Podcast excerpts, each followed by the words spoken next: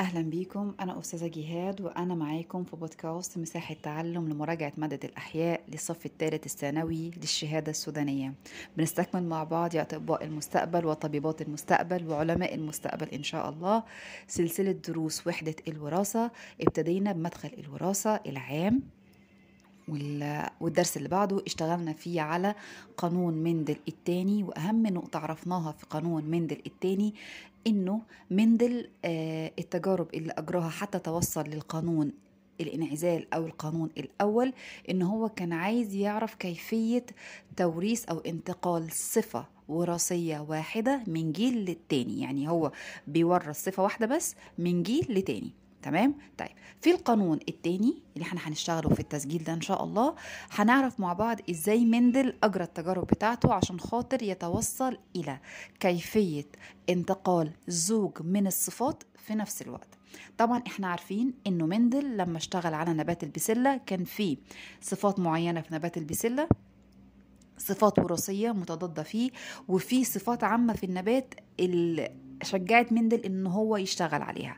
وكانت من الصفات السبعة الوراثية لنبات البسلة إن هو مثلا عنده أزهار حمراء وأزهار بيضاء عنده سقان آه، أو ساق طويل وساق قصير آه، مثلا لون البذرة بيكون أخضر وبيكون أصفر وهكذا السبع صفات.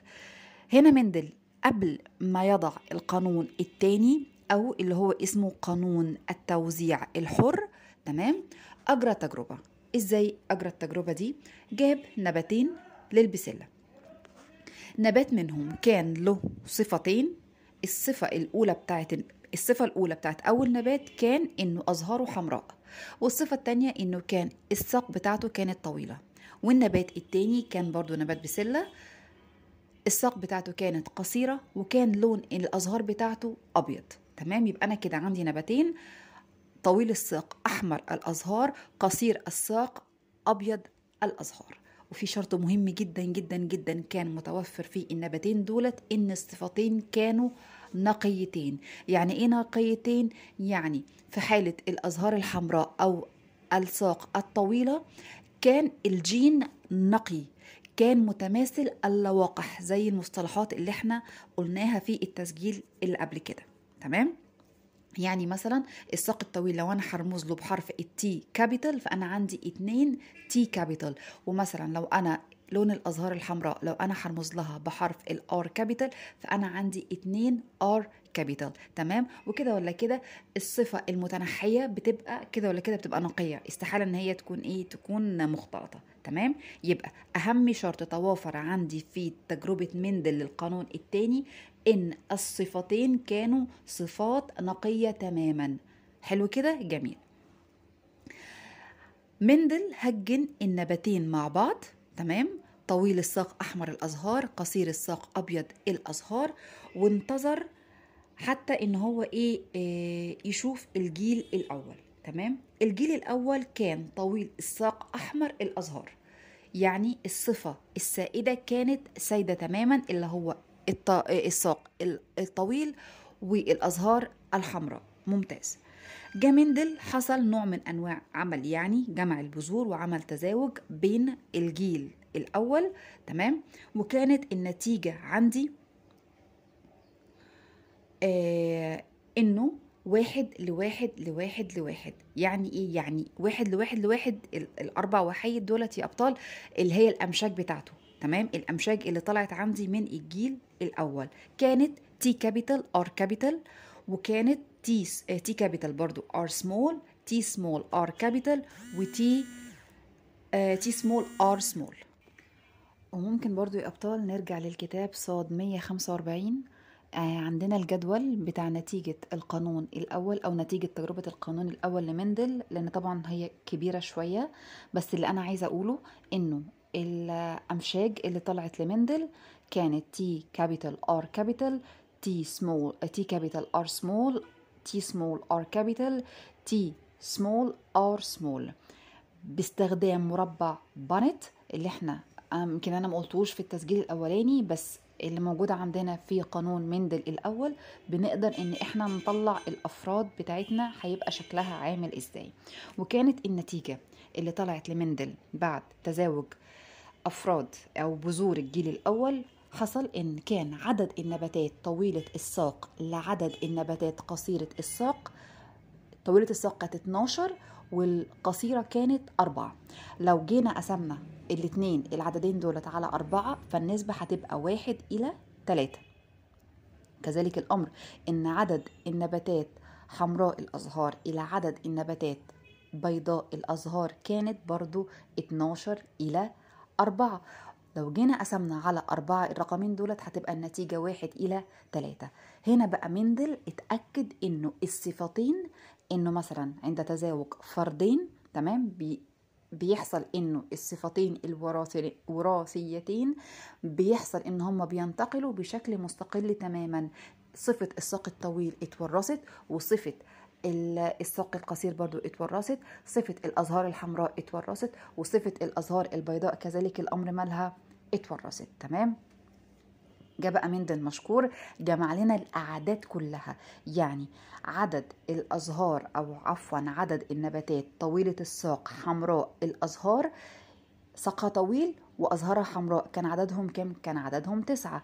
طيب النباتات طويلة الساق بيضاء الأزهار كان عددهم كام؟ عددهم كام؟ ثلاثة طيب طويلة الساق آه، بيضاء الأزهار كان عددها واحد. أما قصيرة الساق حمراء الأزهار كان عددها تلاتة. يبقى أنا كده لو قلت بالترتيب هتبقى تسعة لتلاتة لتلاتة لواحد. طويلة الساق حمراء اللون تسعة. طويلة الساق بيضاء اللون تلاتة. قصيرة الساق حمراء الساق برضو عندي تلاتة. قصيرة الساق بيضاء الأزهار عددها كام؟ عددها واحد. وطبعا من خلال برضو المربع نقدر إن إحنا نستنتج هل هو مثلا الجين ده سائد ولا الجين ده مثلا متنحي الجين ده نقي ولا الجين ده خليط. تمام؟ من هنا بقى مندل وضع لنا قانون التوزيع الحر وقال فيه إيه؟ قال إنه إذا اختلف فردان نقيان في زوجين من الصفات المتضادة تمام؟ يعني إيه صفات متضادة يعني صفة الطول عندي طويل وعندي قصير إيه اللي هيحصل هنا؟ فعند تزاوجهما تورث صفة كل زوج مستقلتين عن صفتي الزوج الآخر. تاني إذا اختلف فردان نقيان في زوجين من الصفات المتضادة فعند تزاوجهما تورث صفة كل زوج الصفتين يعني لكل زوج مستقلتين عن صفتي الزوج الآخر يعني الزوج النبات أحمر الأزهار طويل الساق ورث الصفتين بتوعه مستقل تماما عن مين؟ عن النبات أبيض الأزهار قصير الساق تمام؟ حلو جدا جدا جدا. يبقى إحنا كده إيه عرفنا التجربة اللي مندل عملها. بس طبعا أنا آه، لو لو شرحت مربع بانت أو لو قلت مربع بانت تمام هيبقى مجهود ذهني فظيع جدا عليكم. فالكتاب هنرجع له في صفحة 145 هنشوف مربع بانت بالظبط إيه. بس أنا جبت لكم البداية بتاعه التجربة اللي مندل أجراها. تمام؟ تمام. في نقطة تانية برضو عايزة إن أنا إيه أنوه عليها في الجزئية دي.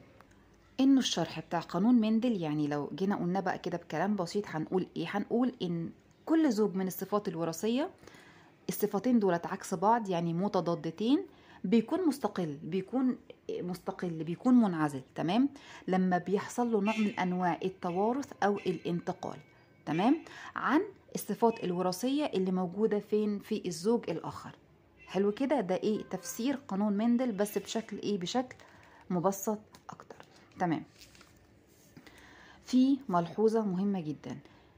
برضو هنطلع بيها من قانون مندل التاني إنه الجينات اللي بتتحكم في الصفات الوراثية مين اللي بيكون شايلها؟ بتكون شايلها صبغيات أو كروموسومات. إحنا عارفين الكلام ده من أولى ثانوي.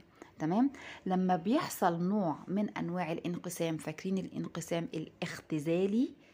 فاكرين كان عندنا اختزالي وعندنا فتيلي. يبقى أنا عندي لما بيحصل عندي الانقسام الفتيلي الجينات بتعمل حاجة قريبة شوية للانقسام الاختزالي ده. حلو كده؟ بس ما أقدرش برضو أعمم الكلام ده.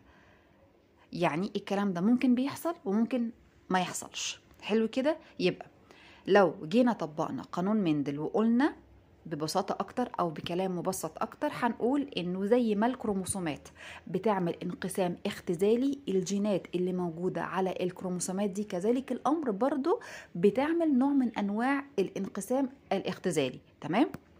أو بتتوزع برضو حاجة كده قريبة شوية من إيه؟ من الانقسام الاختزالي وبالتالي بتبعد عن بعضها حلو كده؟